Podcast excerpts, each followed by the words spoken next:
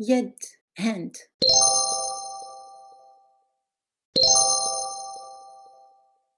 Check out my books on Amazon يدان أو يدين hands in the dual two hands يدان أو يدين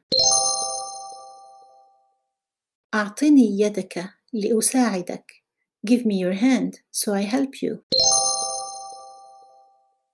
الكتاب الذي بين يديك هو كتابي The book that's between your hands is my book In English you would just say I guess the book that you have is my book or the book in your hands is mine الكتاب الذي بين يديك كتابي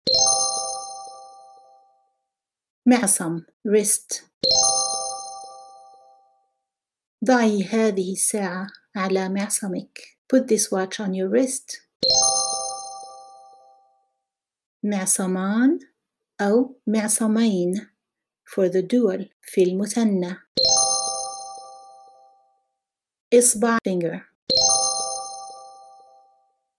في العربية نستخدم كلمة إصبع لأصابع اليد وأصابع القدم. In Arabic we use the word إصبع for both fingers and toes. When the context is clear, there is no need to specify. عندما يكون السياق واضحا ليس من الضروري أن نحدد.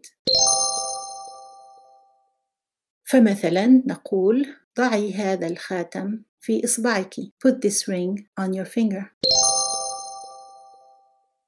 ظفر طولت أظافرها وصبغتها بالأحمر. She grew her nails and painted them red. طولت أظافرها وصبغتها بالأحمر. It's unnecessary to say here طولت أظافر يدها because we usually do not grow our toenails, right? لا نطول أظافر القدمين. نعم. انظروا إلى كتبي في أمازون.